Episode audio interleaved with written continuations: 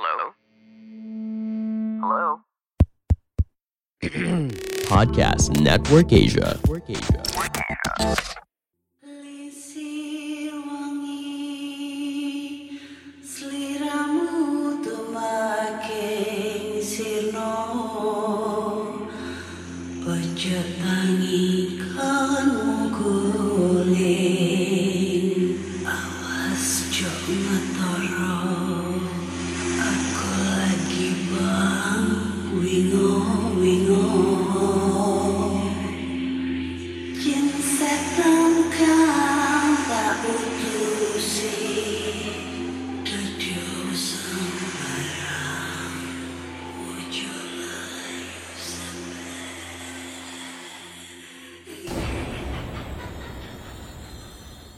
Hai Rek, yo apa kabar Ketemu lagi dengan aku si Ana di podcast kisah horor.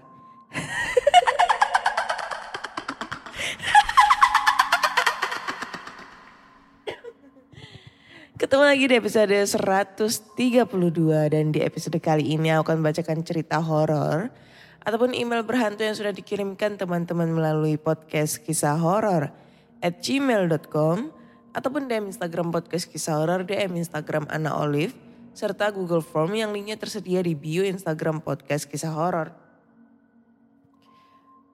Eh, sebelumnya aku mau minta maaf banget ya kalau misalnya di episode kali ini agak sedikit sengau ya suaranya atau mungkin gak enak didengar, lemes ngomongnya ya atau lain-lain lah. Pokoknya aku minta maaf karena sebenarnya eh, hari ini tuh lagi gak enak badan ya. Nggak tahu kenapa. Eh, Surabaya ini lagi panas banget.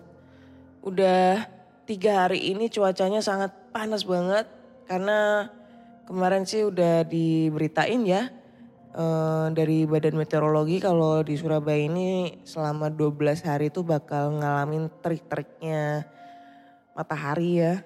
Jadi di 12 hari ini bakal banyak sekali orang-orang yang terkena penyakit ya. Mes- biasanya tuh influenza atau mungkin demam dan lain-lain gitu loh. Ini tadi juga aku berangkat kerja nyampe tempat kerja itu gila langsung dehidrasi banget. Langsung ngambil minum dalam apa botol air mineral yang 300 ml itu satu menit itu udah langsung habis. Saking panasnya. Saking tenggorokan keringnya gitu loh ya. Bayangin coba. Padahal kemarin hari Minggu aku ke Malang itu eh, di sana udah hujan. Hujan walaupun cuma rintik-rintik gerimis dan apa pun itu tapi enak banget gitu loh cuacanya. Sejuk banget sedangkan aduh tahu sendiri ya Surabaya terkenal dengan panasnya. Itu panas banget gila. Ini aja gue record itu sebenarnya jam setengah tiga dini hari ya. Setengah tiga pagi gitu loh. Seharusnya di jam-jam segini itu eh, jamnya udara sejuk. Bukan udara yang sangat panas kayak gini gila. Pokoknya hati-hati deh buat kalian apalagi yang di Surabaya ya. Jaga kesehatannya. Jangan lupa minum vitamin. Ini hari itu eh, apa namanya di Surabaya itu cuaca-cuaca yang tidak mendukung buat kita semua. Apalagi yang eh, punya apa ya? Yang belum vaksin lah. Kayak gitu. Harus dijaga kesehatannya. Mau vaksin juga kan kita harus sehat ya keadaan sehat. Jangan sampai kita sakit. Gitu. Ntar, tarik nafas dulu ya. Terus gue juga mau ngingetin lagi buat temen-temen semua ya. eh, untuk ikutan giveaway nih podcast kisah horor ya. Karena di podcast kisah horor sendiri udah ngadain giveaway ya kan. Untuk rulesnya udah aku kirim di feed Instagram podcast kisah horor. Jadi untuk peraturannya yaitu, ntar dulu. Yang pertama kalian eh, bikin video tentang cerita horor, video saat kamu ngebacain horor atau mungkin video pada saat kamu ngobrolin cerita-cerita horor bareng temen kamu ya. Terus ceritanya ini bebas, bisa dari pengalaman kamu sendiri atau bisa pengalaman dari orang lain. Durasinya ini 3 sampai 15 menit ya. 3 sampai 15 menit. Nggak usah panjang-panjang. Lalu unggah video kalian di IGTV kamu, di Instagram kamu ya, di IGTV Instagram kamu. Dan jangan lupa gunakan hashtag giveaway podcast kisah horor. Nah, periode giveaway ini tanggal 12 sampai 23 Oktober 2021. Nanti pemenangnya bakal diumumin tanggal 26 Oktober.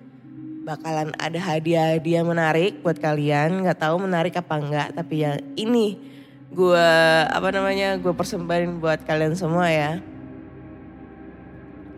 Eh, bakal ada 250 ribu plus brand dari Erigo untuk pemenang pertama, pemenang kedua juga dapat brand Erigo, ketiga juga dapat brand Erigo, tapi dengan model yang lain-lain.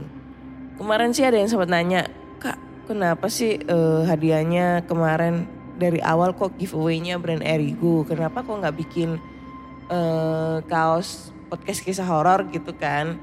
Nah ini gue jawab di sini ya sekarang ya sekalian.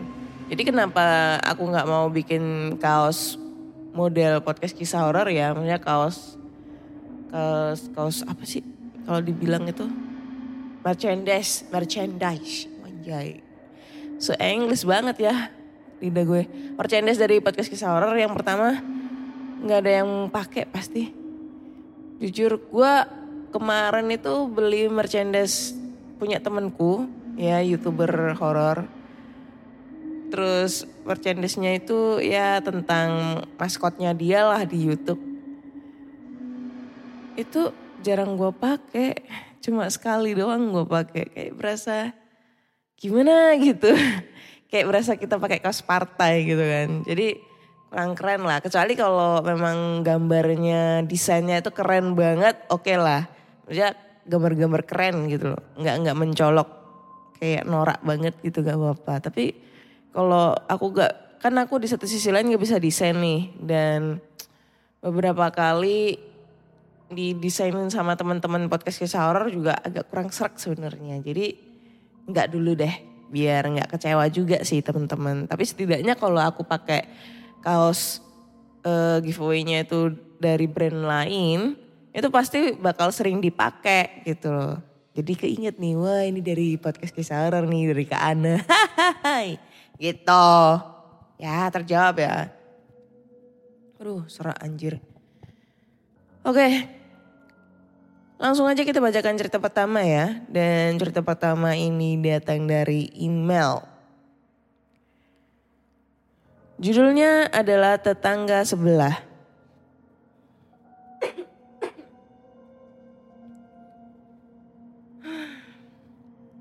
Assalamualaikum warahmatullahi wabarakatuh. Waalaikumsalam.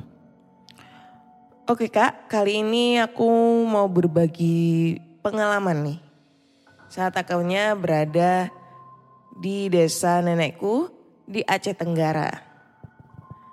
Sore itu dengan rasa yang sedikit bisa dikatakan merajuk atau godaan buat sang kakek agar aku diizinin pergi ke rumah nenek bersama Abang Kamal yaitu sepupuku yang beda setahun denganku.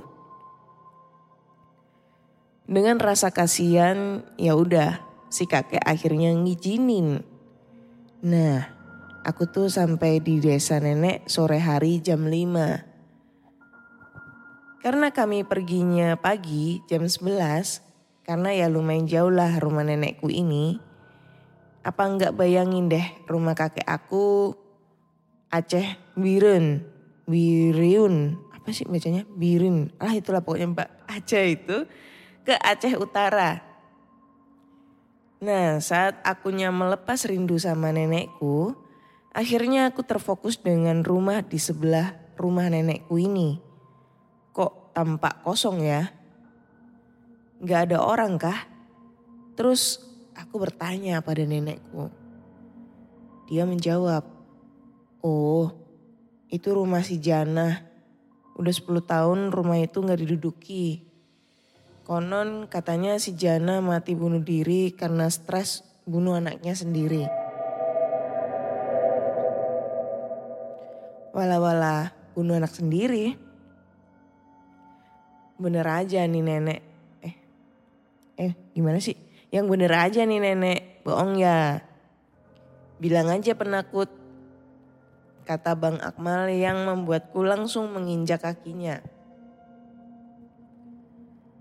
Maghribnya, setelah aku sholat maghrib, aku mendengar suara gaduh di, di rumah sebelah. Apalagi kalau bukan tetangga yang bernama Janah itu. Bang Akmal dan nenek yang lagi tadarus membuatku enggan bertanya pada mereka.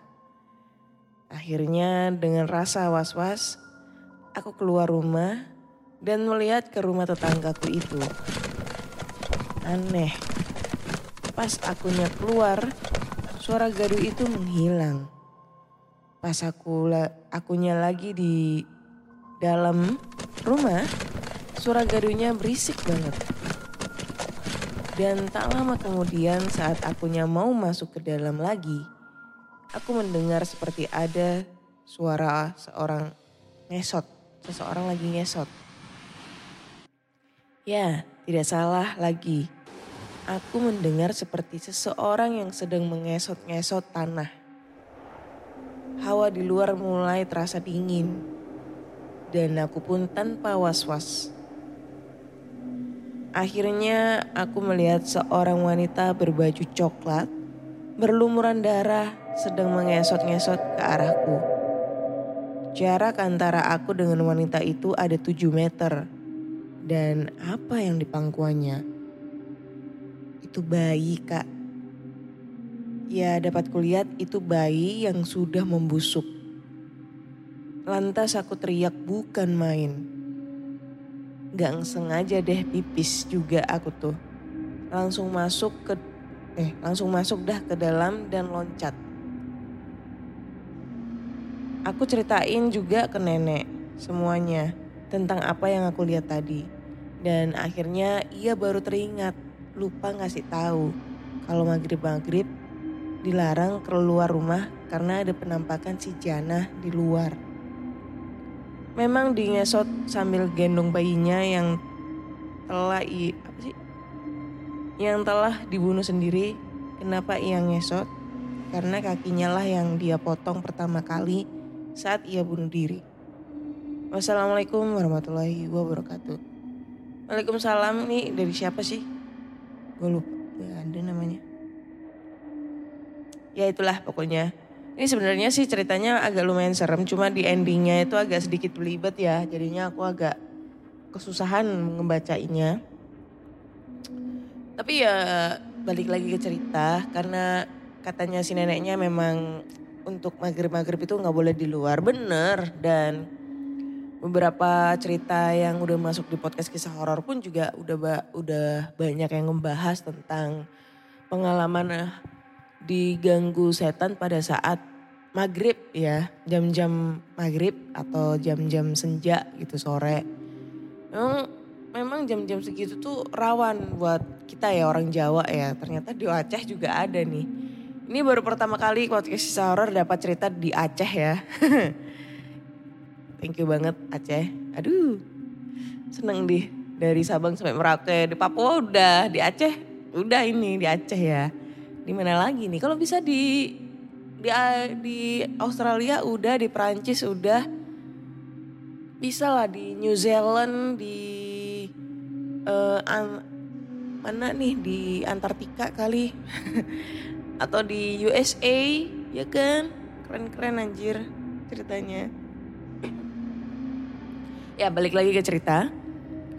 Ya itu emang udah nggak jadi hal yang umum ya untuk masalah kalau misalnya kita pada waktu maghrib itu pasti dilarang sama orang tua untuk keluar dulu gitu loh. Pasti nunggu eh, maghribnya selesai atau mungkin azan maghribnya selesai baru kita boleh untuk keluar gitu keluar rumah.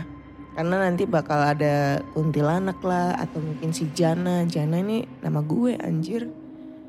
Kenapa namanya Jana? Jana kan surga. Kenapa dia ngesot-ngesot, ya kan? Gitu. Terus serem juga sih ya. Karena dia ngelihatnya si Jana ini eh, ngedeketin dia itu pada kondisi ngesot-ngesot. Dan ternyata si Jana ini bunuh diri dengan cara memenggal kakinya sendiri terlebih dahulu. Nah mungkin meninggalnya pada saat itu pas dia memotong kakinya itu kehabisan darah ya. Karena emang dia mungkin depresi berat. Biasanya ini kalau nge- ngebunuh anaknya sendiri terus tiba-tiba dia bunuh diri mungkin karena depresi berat. Mungkin masalah finansial atau mungkin masalah keluarga gitu kan. Masalah rumah tangga gitu. Jadi mungkin berbuat nekat seperti itulah. Padahal kalau kita berbuat nekat seperti itu gak bakalan kita masuk surga juga walaupun namanya jannah yang artinya jannah itu surga gak bakalan masuk surga juga kalau metode untuk mengakhiri hidupnya kayak gitu ya kan. Gitu. Oke next kita lanjut ke cerita berikutnya ya. Dan cerita berikutnya ini kamu lagi mau mengembangkan podcast kamu tapi bingung caranya bagaimana. Mulai dari sisi performance-nya, menentukan rate konten kamu, sampai bagaimana cara memonetisasinya. Nah, coba deh cek Podmetrics. Podmetrics adalah platform yang bisa membantu kamu untuk lebih mudah melihat performa konten podcastmu. Lalu melalui Podmetrics, kamu juga bisa menentukan rate podcastmu melalui data yang tersedia. Serta bisa juga memonetisasi kontenmu dengan champion-champion dari brand yang cocok dengan podcastmu.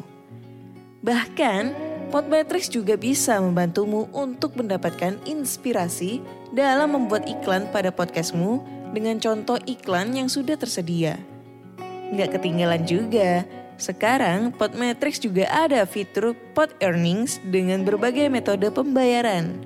Sehingga memudahkan kamu untuk mendapatkan penghasilan dari Podmetrics. Jadi, kalau kamu seorang podcaster, pastikan kamu mendaftar Podmetrics dengan memakai Podmetrics referralku. Klik langsung aja podlink yang ada di deskripsi box dalam episode ini. Berjudul Kuntilanak Penunggu Sumur. Oke, kayaknya serem banget ini ya ceritanya. Assalamualaikum warahmatullahi wabarakatuh. Halo Kak Ana. Kali ini saya de, nama saya Arini. Kali ini saya akan membagikan pengalaman seorang dokter yang bertugas di desa saya. Kejadiannya sekitar tahun 2018. Sebut saja namanya B, Samaran. Dulu dia bertugas di daerah Jawa Tengah. Namun karena dipindah tugaskan, jadi dia dipindah ke daerah saya. Rumahnya terletak bersebelahan dengan puskesmas.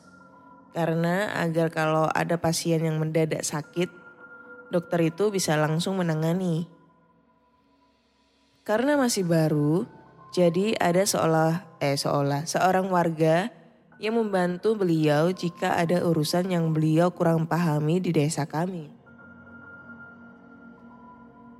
Hari itu sang dokter memutuskan untuk pulang karena pasien pun sudah tidak tidak ada sekitar jam 8 malam. Setelah rebahan beberapa saat, dokter B pun memutuskan untuk mandi. Tapi pas dokter B membuka keran air, air tersebut tidak mau keluar. Akhirnya dokter B pun menelpon warga yang selalu membantunya. Sebut saja namanya W, nama samaran.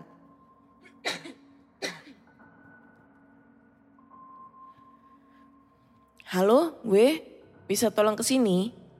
Air kamar mandi saya tidak bisa keluar nih. Oh iya pak, saya ke sana sekarang. Terima kasih ya W, maaf sudah merepotkan. Iya pak, gak apa-apa. Beberapa menit kemudian W pun datang. Pak, gimana? Airnya udah keluar belum? Belum nih. Kenapa ya? Mungkin selangnya copot kali, Pak. Ini kan nyelang dari sumur yang ada di bawah. Ya udah kamu antar saya ya ke bawah. Soalnya saya belum tahu tempatnya. Iya, Pak. Mari saya antar.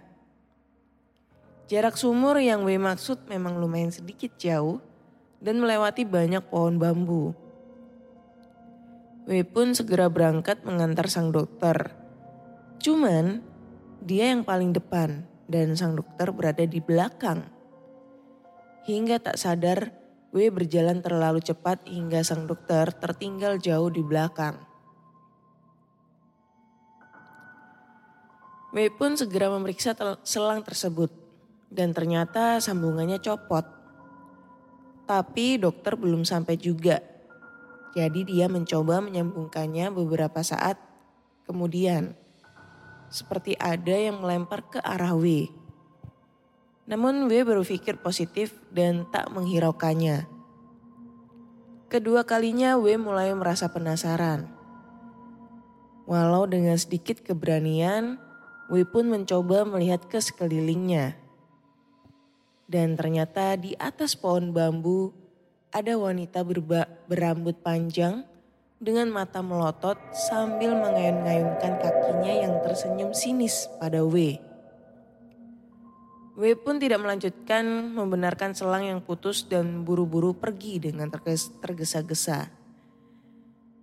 Di tengah perjalanan, W bertemu dengan dokter B Dokter pun bertanya, Mas, kok balik lagi? Emang udah bener selangnya? Belum dok, saya mau cari karet dulu. Soalnya harus di, harus ditaliin supaya nggak lepas. W pun berusaha menutupi apa yang barusan terjadi supaya dokter B tidak merasa takut. Oh ya sudah, saya tunggu di bawah ya mas. Iya dok, tunggu aja soalnya airnya masih keluar. Tanpa menaruh curiga, dokter B pun melanjutkan perjalanannya. Tibalah dokter B di sumur tersebut dan mulai mengecek selangnya.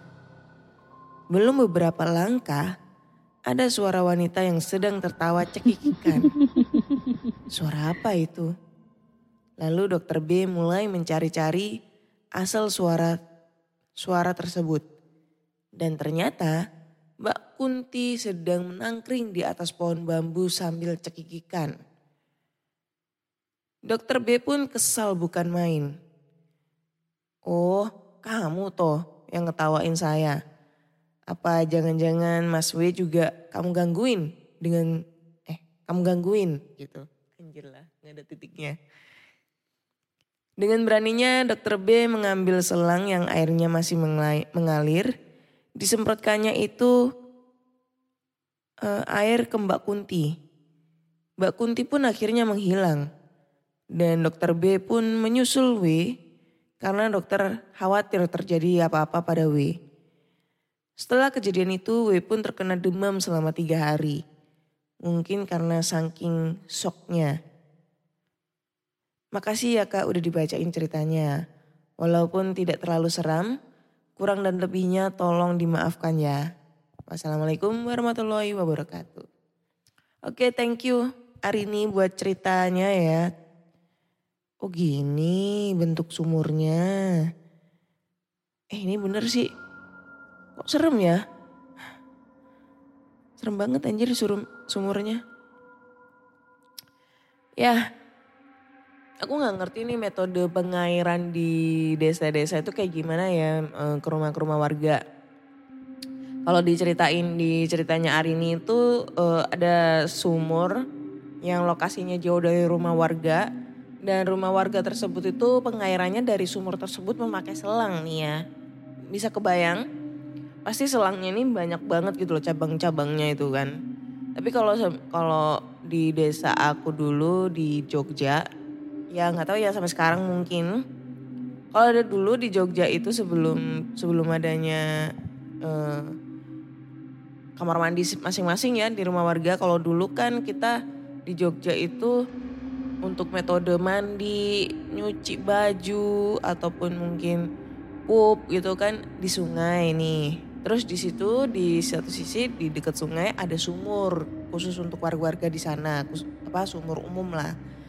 Yang fungsinya sumur tersebut itu buat e, minum. Dibuat diolah menjadi minum atau mungkin dimasak buat makanan gitu kan Nah itu emang posisinya eh, sumurnya itu jauh banget gitu loh dari pemukiman warga. Pokoknya ada di bawah, di bawah deket sungai gitu. Nah kalau semisalnya ini di ceritanya Arin itu kan katanya eh, untuk metode untuk apa ini namanya? Mandi atau apa pun itu di rumah-rumah warga memakai sumur yang ada jauh dari tempat pemukiman tapi memakai selang nih. Jadi nggak kebayang jir gimana itu eh, cara pengairannya gitu loh kalau satu sumur untuk beberapa rumah warga kayak gitu.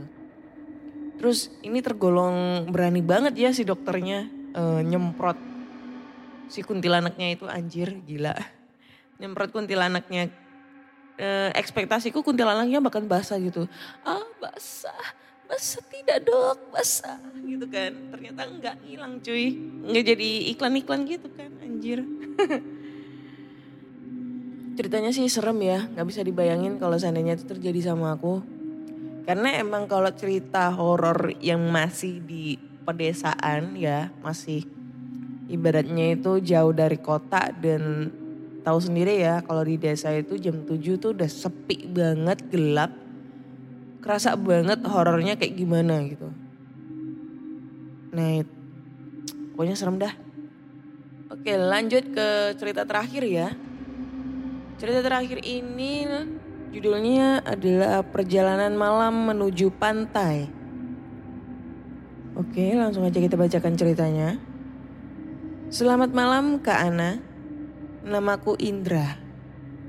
Aku mau cerita pengalamanku pada tahun 2015 silam. Lebih tepatnya pengalaman bareng teman-temanku waktu perjalanan menuju salah satu pantai di Jawa Timur. Di mana kita emang selalu kompakan dari mulai semester 1 bangku perkuliahan di salah satu universitas negeri, Universitas Islam Negeri di kota Surabaya dan kita selalu bareng-bareng setiap kali mau liburan. Wah, gue tahu nih kampusnya di mana. Ponakan gue juga kuliah di situ anjir. Jadi kejadian ini setahun setelah kelulusan kita ya. Walaupun kita udah lulus dan bahkan udah posisi kerja masing-masing, kita masih sering merencanakan liburan di akhir pekan. Sebelumnya aku kenalin terlebih dahulu. Di antara mereka ada Mita, Rere, Gary, Ivan, dan aku, Indra. Yang kita berlima selalu tetap ngumpul dan tetap ngerancanain liburan. Dan bisa dibilang liburan kali ini menjadi spesial karena salah satu anggota geng kita yang sebentar lagi akan melepas masa lajangnya atau akan segera merit. Sampai akhirnya Jumat malam di bulan Juli tahun 2015 kita mutusin buat berangkat ke pantai tersebut. Sekitar pukul 9 malam kita udah jalan menuju salah satu pantai di ujung perbatasan Ja- Nah, sorry sekedar info. Nyampe mana tadi ya? Oh ini. Sekitar pukul 9 malam kita udah jalan menuju salah satu pantai di ujung perbatasan Jawa Timur dengan Jawa Tengah. Aku nggak perlu sebutin nama pantainya karena gimana pun aku nggak mau ngerubah image tempat yang mestinya jadi tempat yang have fun menjadi tempat yang creepy gitu ya. Oke, aku mulai dari perjalanan dari Surabaya sampai beberapa kota hingga sampailah di perbatasan kota Pacitan, Jawa Timur itu. Semua keadaan masih normal. Kita tetap jalan seperti biasa dan perjalanan waktu itu sudah menghabiskan kurang lebih tiga jam lebih di mobil. Kita tetap nyalain musik, tetap ngobrol di dalam mobil, seru-seruan seperti biasa. Karena mungkin kita cuma bisa ketemu seminggu sekali pas weekend gitu. Nah, keadaan tuh berubah ketika kita lepas melewati kota Pacitan, mulai dari masuk pada area hutan atau kalau kata orang Jawa Timur nyebutnya alas, atau area hutan penghubung batas dua provinsi. Bermula pada satu gapura masuk berwarna putih setelah melewati jembatan besar serta tikungan yang tajam.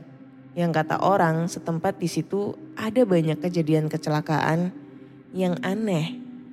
Yang konon ceritanya disebabkan adanya gangguan goib di area itu.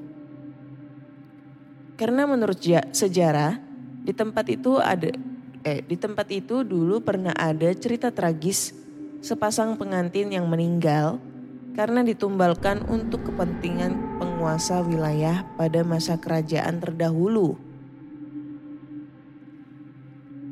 Oke, lanjut. Di mana gapura tersebut menandakan bahwa kita sudah tidak berada di area kota Pacitan lagi.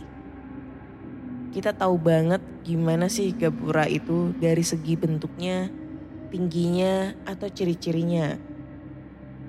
Dan lepas dari gapura itu berasa jauh banget. Lama banget yang finalnya atau endingnya tuh kayak kita dibawa muter-muter aja. Di mana kita setiap jalan kurang lebih 15 atau 17 menit. Kita tuh selalu melewati gapura tadi. Ya awalnya mungkin kita nggak sadar ya. Sampai akhirnya tuh Ivan temanku yang jadi driver itu nyeletuk. Dan bener aja kita papasan sama gapura, it, gapura itu kita rasain emang sudah tiga kali. Petunjuk Google Map yang udah kita setting lokasinya pun itu juga sama aja. Hanya menunjukkan keterangan rute yang harus kita lalui di mana rute tersebut sebenarnya udah kita lewati. Merasa kondisinya udah semakin aneh dan teman-teman yang cewek juga udah mulai panik, maka kita putusin buat cari jalan penghubung lain untuk menuju pantai. Gimana pun kita harus ngejar waktu karena jam udah masuk pukul 12 lewat. Karena rencana dari awal kita harus nyampe di lokasi itu pun waktu sunrise. Akhirnya setelah tadi melewati gapura yang sama untuk ketiga kalinya, kita nemuin jalan penghubung menuju ke arah kanan atau barat. Sebuah jalan pintas yang di dalamnya ada banyak tempat yang digunakan untuk pengolahan batu koral yang juga terdapat mesin-mesin konveyor serta pemecah batu. Yang di mana jalan ini tuh sebenarnya cuma bisa dilewatin satu mobil aja tanpa adanya penerangan yang memadai. Itu pun kita berani ambil jalan tersebut karena jalannya emang udah bagus. Walaupun tidak sepenuhnya beraspal dengan masih adanya tambalan semen di sepanjang jalan pintas tersebut. Dan setelah jalan kurang lebih 3 km masuk jalan tadi kita masuk pada satu area pepohonan bambu yang lebat dan pas banget setelah jalan kurang lebih 300 meter itu ada satu pohon bambu besar yang batangnya tuh turun landai dan menghalangi jalan mobil kita. Di situ kita berhenti, nggak tahu mesti ngapain. Di dalam mobil tuh kita putar balik. Gimana nih? Eh di dalam mobil tuh kita kayak diskusi kecil. Ini gimana nih? kita terabas aja atau kita putar balik. Sempat temanku Gary udah mau turun aja buat ngecek kondisi bambu tadi. Apakah emang bisa didorong buat tepiin gitu kan? Tapi akhirnya kita ragu-ragu dan gak ada yang tepiin eh dan gak ada yang berani keluar. Takutnya emang antara itu berhubungan dengan barang-barang yang emang gak terlihat atau kita berpikirnya bisa aja ini jebakan orang yang pengen niat jahat atau begal. Sedangkan mobil kita stuck di depan mobil tadi, eh di depan bambu tadi. Dan klimaksnya Mita yang posisinya di depan samping Ivan yang ngebudiin mobil. Di situ dia ngeliat sosok besar, tinggi, hitam, bentuk makhluk ini tuh aneh banget di mana tangannya itu panjang sampai ke lutut dan antara bahu sama kepala tuh nggak kelihatan ada leher. Jadi kayak bahu dan kepala itu nyambung. itu posisi dari tepi jalan, keluar dari semak-semak bawah pohon bambu, sedang menuju ke arah mobil kita. Ngeliat itu Mita teriak dan Ivan refleks dong buat masukin gigi mundur. Dan anehnya itu mobil juga gak mundur. Digas sekuat apa pun mobil kayak gak ada tenaga. Ketika sosok itu tinggal 3 atau 2 meter mendekat dengan mobil, dia tiba-tiba hilang gitu aja bersamaan kendaraan pun bersamaan kendaraan pun akhirnya refleks bisa mundur. Rasanya aneh jika kendaraan kami tidak bergerak sama sekali karena di belakang tidak ada benda baik, eh tidak ada benda, baik itu batu atau batang kayu yang menahan badan mobil. Di situ kita putar balik. Setelah kita balik dari jalan masuk tadi, kita mutusin rehat di salah satu SPBU. Kondisi SPBU ini bisa dibilang masih aktif di jam tersebut, namun para pekerja terlihat tengah tertidur di dalam kantor dan sebagian di meja ruangan tempat penyimpanan oli atau pelumas kendaraan. Sementara Ivan yang emang dari awal nyetir ngerasain di jalan udah aneh banget.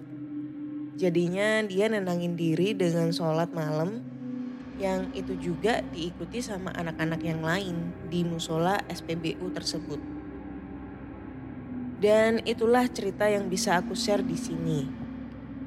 Setelah sholat malam itu kita berangkat lagi tepat jam 2 pagi.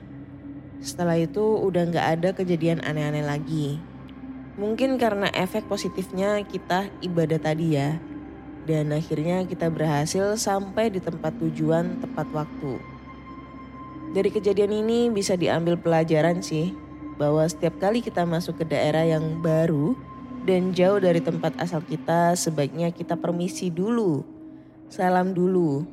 Jangan malah asik, kita asik sendiri selama perjalanan nggak peduliin lingkungan yang kita lewati seperti apa agar kejadian ini tidak menimpa kita selanjutnya. Dan sekian cerita dari aku dan terima kasih Kak Ana sudah dibacakan. Ending, cerita ending yang sangat uh, serem banget ya. Thank you Mas Indra buat ceritanya. Gila, ini gue tahu nih dia mau ke mana sebenarnya. Dan sebenarnya ini juga aku pengen ada rencana buat main ke pantai tersebut ya. Cuma dulu itu kita mau rencana ke sana itu agak was-was juga karena katanya sih area eh, lokasi tempat pantainya itu eh, rutenya jalannya ini serem banget anjir apa kayak berasa kita ke Bromo gitu ya ke Bromo itu kan jalannya ini sempit terus tebing-tebing jurang-jurang kayak gitu terus banyak tikungan-tikungan tajam. Bahaya pokoknya. Yaitu kayak gitu katanya eh, tempat rute jalannya menuju pantai di area di lokasi Pacitan sana ya. Nah itu sehingga aku masih memikir berpikir-pikir apakah aku berani datang ke sana gitu. Setelah eh, rutenya juga agak lumayan jauh sih katanya sih dari Surabaya ke sana bisa sampai 5 jam 6 jam lah eh dari Pacitan ke pantai tersebut bisa tiga jam kayaknya ya perjalanan. Pacitan juga jauh banget anjir. Nah itu. Eh mungkin juga eh kenapa Mas Indra diganggu nih sama sosok tersebut ya mungkin mau nandai bisa jadi pertama eh mungkin kita nggak nggak sapa salam eh, untuk masuk di lokasi baru nih yang kedua mungkin selama perjalanan uh, lupa ibadahnya, kewajibannya ibadahnya untuk sholat maghrib, sholat eh jam 9 malam ya berangkatnya. Enggak lah ya. ya mungkin ada yang belum sholat kali, terus habis itu ada yang kelupaan belum ibadah juga bisa pasti. Yang ketiga mungkin ya, karena katanya sih di dengar-dengar dari teman-teman yang udah berangkat ke sana sih ya udah main ke sana itu lokasinya emang rawan begal juga eh, kondisinya sepi padahal di situ juga lokasi tempat wisata cuma emang rute perjalanannya itu sepi banget gelap banget jadi ya harus was-was juga. Jadi mungkin mungkin nih ya si makhluk halus tersebut itu kayak memberi peringatan gitu buat buat Mas Indra dan teman-temannya supaya nggak narusin perjalanan di jam tersebut gitu kan. E, mungkin disuruh lebih istirahat dulu di lokasi yang lebih aman baru sekiranya emang sudah selesai e, lebih sudah aman gitu baru untuk melanjutkan perjalanan. Itu bisa jadi karena ini pernah terjadi sama temen aku ya wah banyak banget nih gue nyeritain tentang pengalaman temen ya. Karena emang biasanya kita kalau nongkrong ngopi dan apa pun itu kita tuh pasti nyelipin cerita-cerita horor gitu ya. Jadi temen aku itu pernah eh dinas di luar ya dinas luar. Kalau tempatnya aku nggak tahu di daerah mana cuma emang lokasinya itu sepi banget gelap. Pokoknya itu jam jam 8 malam itu udah sepi banget lah nggak ada kehidupan di sana itu terus lampu jalan juga sangat minim sekali jadi lebih terang pakai lampu kendaraan. Dan posisinya dia juga pakai mobil gitu kan. Berdua sama temennya yang mau dinas luar gitu. Nah waktu itu dia ngelewatin ya itu tadi kayak oh, alas. Kalau kata orang Jawa itu alas tapi kalau bahasa Indonesia nya hutan. Tapi bukan pure hutan gitu enggak. Tapi melainkan kayak jalan raya tapi di, di kanan kiri itu hutan gitu kan. Jalan raya di kanan kiri itu hutan. Nah itu kondisinya itu sekitar jam 10, jam 11 malam lah katanya itu. Karena dia itu mau ngejar. Karena bes, e, harus nyampe lokasi terus istirahat besoknya langsung kerja gitu. Jadi dia ngejar waktu. Nah posisinya itu pas jam sekitar jam setengah 11 malam, jam 11 malam itu tahu-tahu eh apa namanya mobilnya itu kayak sedikit kayak agak tersendat-sendat gitu. Nah, apa namanya mereka itu lagi bingung nih. Wah takutnya itu kehabisan bensin. Kalau gitu ada problem lah masalah mesin mobilnya. Nah pas pas dicoba lagi dicoba lagi ya bisa jalan tapi agak tersendat-sendat tiba-tiba di depan arah depan mereka itu jaraknya sekitar 10 meter dari jarak dia di mobil itu terlihat sosok putih-putih sama hitam-hitam. Jadi mereka tuh dua ngelihat dua sosok. Jadi kalau temanku yang pertama ini, temanku dia ngelihat sosok putih-putih. Tapi nggak ngelihat sosok hitam. Nah, si temennya ini, si drivernya ini, dia ngelihat sosok hitam, tapi nggak ngelihat sosok putih-putih. Gitu. Jadi jadi dia mereka itu ibaratnya ngelihat dua sosok di sana itu. Refleks temennya langsung berhenti, ngerem dan ngeliat, eh apain tuh putih-putih gitu kan. Eh apaan tuh hitam-hitam gitu. Mereka kayak seakan-akan uh, membenarkan gitu loh uh, pandangan mereka. Nah pada saat mereka si drivernya ini temennya temennya temanku itu masih mau maju tapi dengan kondisi yang sangat pelan sekali maju ya sekitar satu jengkal terus berhenti. Tiba-tiba itu sosok dua sosok tersebut zzz, kayak maju cepet banget ngelayang maju cepet. Tapi dia itu posisinya majunya itu cuma satu meter zet terus berhenti. Kayak apa sih modelnya itu ya? Kayak melayang cepet banget zret terus berhenti. Di situ temanku langsung refleks temennya juga refleks langsung temennya temanku tuh langsung injak gas mundur mundur ngebut banget. Dan untungnya pada saat mereka itu dalam keadaan panik di belakang itu nggak ada nggak ada apa namanya nggak ada kendaraan sama sekali gitu loh maksudnya. Jadi mereka langsung refleks mundur terus habis itu putar balik terus dia lari gitu kan. Terus itu dia mencari cari-cari lokasi nih buat nenangin diri. Ternyata dia nemu warung di sana. Warung-warung warkop gitu 24 jam. Di situ dia ngopi-ngopi sama temennya ditanyain sama yang yang jaga warung kenapa mas? Gitu kan. Oh iya pak. Niku ten beriku pakai bahasa Jawa sih ya translate bahasa Indonesia aja. Itu di sana tadi saya ngelihat ada sosok pak gitu. Ada orang gitu cepet banget. Tapi habis jalan cepet terus berhenti gitu pak. Ya udah pak saya takut berhenti, langsung putar balik terus nyari warung nih gitu. Padahal kita mau ngejar buat kerja besok gitu. Terus si penjaga warung itu kayak kayak apa ya kayak biasa aja gitu loh nanggepin mereka. Dibilang oh itu udah biasa mas. Dibilang gitu. Kalau misalnya mas yang ngeliat kayak gitu pasti ngeliatnya sosok putih sama hitam kan digituin. Iya pak. Barengan mereka tuh ngomongnya iya pak. Oh, itu udah biasa itu cuma ngasih tahu aja biar kalian itu nggak ngelanjut ke ngelanjutin ke sana gitu. Karena di sana mungkin ada hal buruk yang bakal terjadi entah itu begal entah itu apa pun. Jadi masnya tuh disuruh berhenti dulu di sini digituin. Baru nanti kalau udah jam jam-jam 3 atau dini hari gitu subuh baru boleh buat berangkat lagi katanya sih gitu. Itu sih pengalaman dari temen aku. Emang sih ya perjalanan tengah malam eh, keluar kota atau ke mana pun itu agak sedikit was-was gitu yang kita bayangin. Apalagi kalau pakai kendaraan sendiri ya. Kayak gitu deh.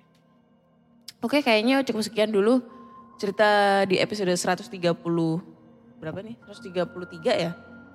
Sampai gua lupa dengan episode sendiri. Berapa sih? Iya, 132 ternyata episode 132. Cukup sekian dulu.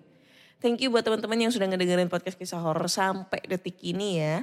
Jangan lupa kalian follow podcast kisah horor di Spotify dan di Noise ya karena podcast kisah horor sudah bisa didengerin di Noise. Dan jangan lupa follow juga podcast kisah horor di Spotify.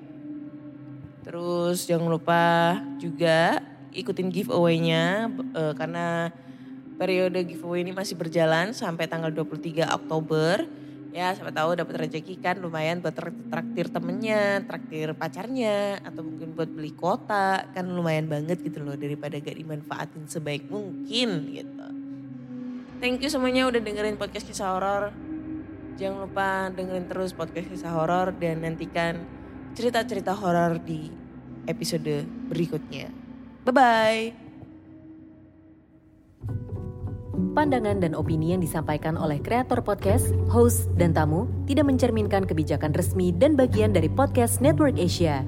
Setiap konten yang disampaikan mereka di dalam podcast adalah opini mereka sendiri dan tidak bermaksud untuk merugikan agama, grup etnik, perkumpulan, organisasi, perusahaan, perorangan, atau siapa pun dan apa pun.